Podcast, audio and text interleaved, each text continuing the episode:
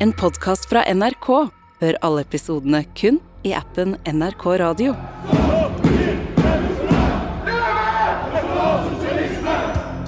I den skarpe høstsola i Oslo står maskerte menn ansikt til ansikt med uniformert politi. Mennene har på seg like jakker, og flere holder mørkegrønne flagg som vaier i vinden. Stemninga er spent, for mennene nekter å høre.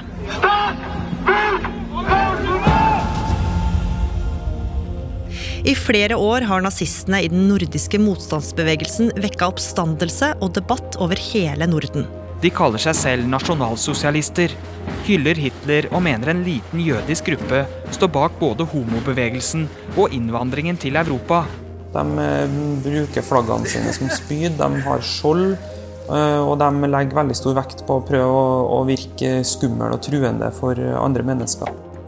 Hvem er egentlig med i denne gruppa? Og hvor farlige er de?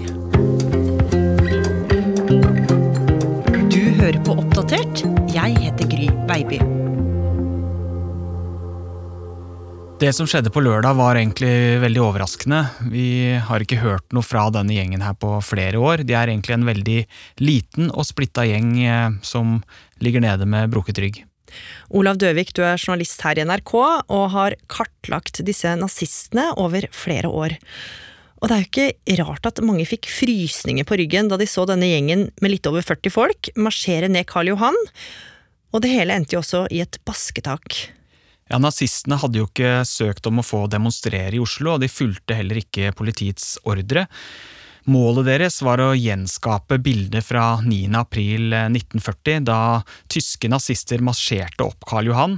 Og Det gjorde de, og så stelte de seg opp foran Stortinget og ropte slagord. og så Etterpå det så ville de gå til Blitzhuset i Oslo. og Det var da politiet stoppa dem, og det blei en slåsskamp etter hvert, hvor eh, alle ble pågrepet og tatt med til politihuset i Oslo. Og da viste det seg at eh, de aller fleste av dem var jo dansker og svensker. Av de 35 som ble tatt av politiet, så var det bare fire som var norske. Og disse svenskene og danskene de blei jo da sendt eh, tilbake der de kom fra. En av dem ble også hentet av foreldrene sine. Men opptrinnet i Oslo var jo ikke første gang den gjengen her var ute og markerte seg. Første gangen vi hørte om dem i mediebildet i Norge var i 2012. Da stilte de seg opp på Trondheim torg med flagg og delte ut løpesedler der. Det var en spontan demonstrasjon hvor eh, det etter hvert også ble slåsskamp med politiet. Og veldig mange ble pågrepet, og det viste seg at det var stort sett svensker som hadde deltatt. Og de neste åra så ble de litt mindre synlige, Olav. Ja, vi hørte ikke så mye til de. De holdt på, delte ut løpesedler, hadde noen små demonstrasjoner her og der og satte opp eh, klistremerker. Men så, i starten av 2016, så hadde Politiets sikkerhetstjeneste en pressekonferanse hvor de fortalte at det skjedde noe i de høyreekstreme miljøene, også i Norge. Sikkerhetstjenesten sier det er en vekst i de høyreekstreme miljøene, og at årsaken er asyltilstrømningen. Det er eh, til dels utstrakt eh, konspirasjonstankegang eh, om at vi er i ferd med å bli overtatt av muslimske innvandrere, og at de står i ledetog med sentrale myndigheter i Norge. Og det at PST advarte mot disse miljøene, det gjorde at dere også begynte å kikke nærmere på denne gruppa. Ja, jeg og noen kolleger begynte å undersøke hvem er egentlig disse menneskene, og hva står de for? Og det vi fant ut da, var jo at de sto jo for egentlig det samme som nazistene og Adolf Hitler på 1930-tallet. De trodde på konspirasjonsteorier om at eh, en liten gruppe jøder står bak både innvandringen til Europa og homobevegelsen. Alt dette for å utrydde den nordiske rase, og de mener både politikere og journalister er med på denne sammensvergelsen. Altså ganske ville teorier uten rot i virkeligheten. Men det her var jo ikke ting de hadde funnet på helt av seg selv. Dere fant fort ut at de hadde røtter til Sverige og gruppa Den svenske motstandsrørelsen fra 90-tallet. Og etter hvert så hadde den norske varianten blitt litt mer aktiv, da spesielt etter terrorangrepet 22. juli. Og snart begynte de å samarbeide mer på tvers av landegrensene her i Norden, under navnet Den nordiske motstandsbevegelsen. Ja, i 2016 så hadde en del av gruppas medlemmer samla seg på et torg i Helsingfors i Finland. Det gikk egentlig veldig rolig for seg, og folk brydde seg ikke så mye om dem. De sto der med svarte klær og flagg. Men så ser man på overvåkningsbildene at en forbipasserende velger å vise avstand ved å spytte mot dem. Og da blir en av demonstrantene så provosert at han løper mot mannen og tar et slags karatespark i brystet på han. Mannen ramler bakover og slår hodet i bakken. Og han dør seinere av hjerneblødning på sykehus. Voldshendelsen den rysta hele Finland, og det skulle ikke gå lang tid før folk igjen skulle få se at denne gruppa her, den var ganske aggressiv. Ja, Det førte jo også seinere til at de ble forbudt i Finland. Og i Sverige så ble det stadig større og mer voldelige demonstrasjoner. Det startet rolig med en marsj ut fra parken Kungsträdgården i Stockholm. Inne i sentrum ventet en stor gruppe motdemonstranter. Så ble det bråk. Det ble slåsskamper mellom nynazister, motdemonstranter og politiet.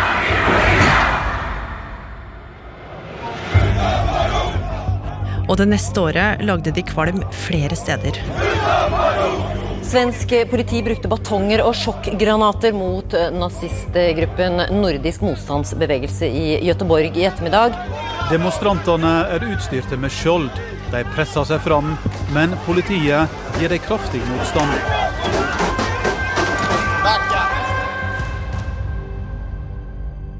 Men det var ikke bare demonstrasjoner som gjorde at de havna i nyhetsbildet. I 2017 så ble tre av medlemmene i organisasjonen dømt for å ha planta bomber ved to asylmottak og en bokhandel i Göteborgsområdet.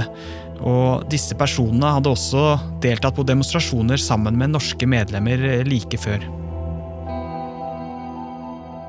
Og på den tida her så begynte dere nå å kartlegge medlemmene. Ja, vi ville jo finne ut hvem de norske var, og vi fant fort ut at alt det som skjedde i Norge, var styrt fra Sverige. Der hadde de ofte demonstrasjoner i, i, små byer midt i Sverige, og vi fant også ut at uh, medlemmer fra Norge ofte dro til Sverige for å delta i disse demonstrasjonene. Derfor så bestemte vi oss for å dra dit selv for å finne ut hvem disse nordmennene var, og ta bilder av dem. Hva fant dere ut om nordmennene som deltok? Vi fant ut at eh, de var jo ikke så veldig mange, men de holdt seg gjerne sammen mens de var i Sverige. Nå fikk vi jo bilder av dem, og så var jobben å prøve å finne ut hvem de egentlig var. Mange av disse var jo helt anonyme på nettsidene deres, og de hadde vanlige jobber og var ikke så veldig interessert i at noen skulle få vite at de dro over til Sverige og demonstrerte i nazitog i helgene. Så det blei jo en jobb for oss å finne ut hvem er de egentlig. Og vi fikk et gjennombrudd da vi fant ut at eh, de brukte et russisk sosialt medium som er egentlig det russiske svaret på Facebook. For der var de åpne. Mange med bilder og fullt navn, og gjerne med disse flaggene og logoene som de bruker. Og der var de venner med hverandre, så plutselig hadde vi kartlagt hele nettverket. Når vi nå hadde disse navnene, så begynte vi å søke ulike steder, og fant ut at Veldig mange av dem var tidligere domfelt. Noen av dem hadde også grove voldsdommer fra før. Og så fant vi ut at eh, flere av dem hadde tilgang på våpen i Norge.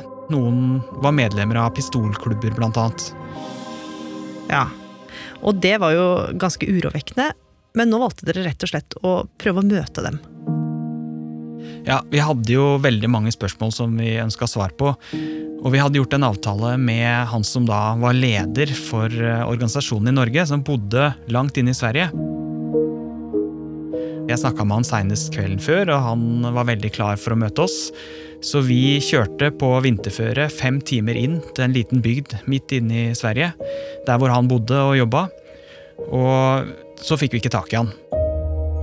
Han hadde sagt at han ville møte oss på en restaurant. Vi satt der og venta. Det tok lang tid. Så kom de en hel gjeng, mange flere enn han. Eh, det var han ene som var talsperson for organisasjonen i Sverige, som førte ordet. Og før intervjuet i det hele tatt fikk starta, så, så begynte de å egentlig skjelle ut oss. De var veldig sinte fordi vi hadde begynt å grave i nettverket deres og, og ringt til medlemmer i Norge. Og de hadde også med seg en egen fotograf som drev og filma hele seansen.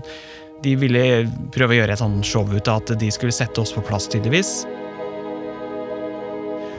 Og så plutselig så reiste de seg opp og gikk ut, og jeg må si at jeg var egentlig veldig letta da det skjedde, for jeg visste jo at flere av de som da var i det rommet, hadde grove voldsdommer på seg fra før. Men selv om dere ikke fikk et intervju den dagen, så skulle det jo ikke bli stille fra den nordiske motstandsbevegelsen. For en julidag i 2017 la dere merke til at de planla noe i Norge, Olav. Ja, Det hadde lenge gått rykter om at eh, de skulle demonstrere i Fredrikstad. Det hadde de ikke fått lov til, og politiet hadde gjort seg klare med biler, helikoptre og masse ekstra mannskap. De fulgte med disse mennene som kryssa grensa, men så kjørte de bare videre da de kom til Fredrikstad. Og de kjørte sørover hele veien ned til Kristiansand. Og på TV og i sosiale medier kunne man se hvordan nazistene marsjerte gatelangs og prøvde å dele ut propagandablader i Kristiansand. Vi er her for å rette søkelyset mot uh, homolobbyen, som vi anser er uh, svært destruktiv for vårt folk. Vi ønsker å samtale med folket og føre ut våre meninger, uh, vår politikk. Ja, og mens de marsjerte da Midt i den travleste handlegata i Kristiansand så gikk politiet på siden av dem og så ikke ut til å gripe inn i det hele tatt. Det eneste politiet egentlig gjorde, var å stoppe motdemonstranter som stilte seg opp i veien eller ropte slagord mot dem. Denne videoen, som ble lagt ut på Nordfront sin Twitter-konto, viser en av konfrontasjonene under den ulovlige demonstrasjonen i Kristiansand i helga.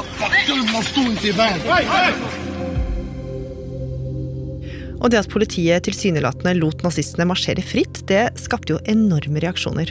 Ja, det skapte veldig sterke reaksjoner, både fra lokalpolitikere, men også resten av Norge. Agder politidistrikt valgte ikke å gripe inn i den ulovlige demonstrasjonen, bl.a. i frykt for at den skulle eskalere. Byens politiske ledelse varsler nå oppvaskmøte for å få svar på hva som skjedde. Det er i hvert fall helt tydelig fra politisk side i Kristiansand at eh, dette er noe vi eh, syns veldig lite om. Og mange ble jo bekymra over det de så, men de neste åra skulle det jo vise seg at miljøet som mange frykta, ikke nødvendigvis var like slagkraftige som de hadde virka som. Nei, i demonstrasjonene i Sverige så dukka det opp stadig færre folk, og de prøvde å stille til valg, men kom ikke inn noe som helst sted. Så det førte til en splittelse. En del av lederne laga sin egen organisasjon, og også i Norge så delte de seg på midten. De var jo veldig få fra før, og nå blei de enda færre. Så de ble nesten borte? Ja, vi hørte egentlig ikke noe fra de på veldig lang tid. Men så kom det jo en pandemi, og en dag du var på jobb, Olav, så skjedde det noe litt merkelig. Hører dere greit? Ja! Utenfor Stortinget så var det en demonstrasjon mot smitteverntiltakene. Erna advarer om at tiltakene kommer til å vare til neste sommer. Vil vi det? Og da jeg så på bildene fra den demonstrasjonen, så kjente jeg jo igjen flere av medlemmene av denne naziorganisasjonen som sto der sammen med alle de andre demonstrantene eh, og ropte slagord mot munnbind og eh, vaksiner og alt det andre som de demonstrerte mot der.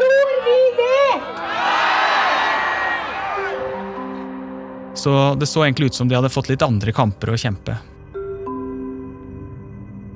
Og de siste åra så har det vært ganske stille, men i helga så dukka de opp igjen. Denne gangen i hovedstaden.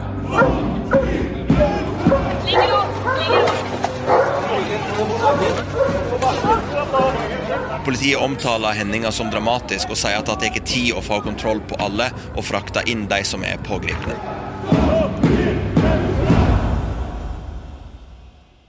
Og igjen så var de fleste som deltok eh, fra Sverige. Det var bare fire norske blant dem. Hvordan er egentlig ståa i denne organisasjonen for tida? Ja, Det sier vel egentlig alt om hvor eh, små de er. De er nødt til å få hjelp fra Sverige og Danmark for i det hele tatt å kunne demonstrere i Norge. Og det som skjedde på lørdag var vel egentlig et litt desperat eh, rop om oppmerksomhet. Den oppmerksomheten fikk de jo, og det er jo det som er det store dilemmaet for oss journalister som dekker eh, disse ekstreme grupperingene, at eh, når vi lager saker om dem, så får de jo den oppmerksomheten som de søker. Samtidig så er det jo veldig viktig for oss å vise fram hvilke farlige meninger de egentlig har, selv om de jo er veldig få. Men Olav, er de farlige? Akkurat det spørsmålet er litt vanskelig å svare på, for selv om denne gruppa er veldig liten og ikke har fått noe fotfeste i Norge, så vet vi at nyere historier fra Norge viser at det tankegodset som de formidler, eh, kan være veldig farlig. Vi husker drapet på Benjamin Hermansen, terrorangrepene 22.07. og moskéangrepet i Bærum. Så det er verdt å ta på alvor.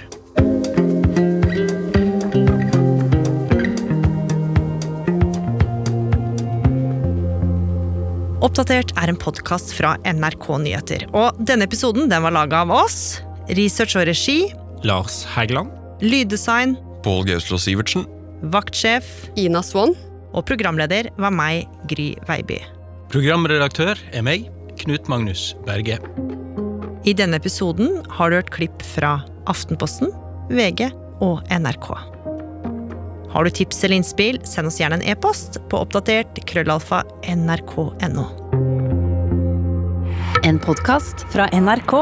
Jeg heter Hege Omre og har laga historien om den største flytragedien på fastland i Norge. Flystyrten i Asker. Nei, Jeg merker jo at flyet begynner å få lavere høyde. Den blir en annen lyd. Lille julaften 1972. Et passasjerfly er på vei fra Ålesund til Oslo. Det var ikke mange sekundene etter at da kjente jeg at det begynte å riste. En flyveleder oppdager at flyet er helt ute av kurs. Da tenkte jeg faktisk at uh, nå går den i bakken. Flyet styrter ned i den mørke skogen i Asker. Det er 45 mennesker om bord. Forberedte på at det var det siste gangen jeg hadde sett henne. I mange timer leter frivillige og redningsmannskaper etter det savna flyet. Og det lå mennesker, levende og døde, spredt rundt over hele den flate myra. Fortvilte pårørende aner ingenting om hva som har skjedd. Jeg var nå helt knust. Og satt og så på TV.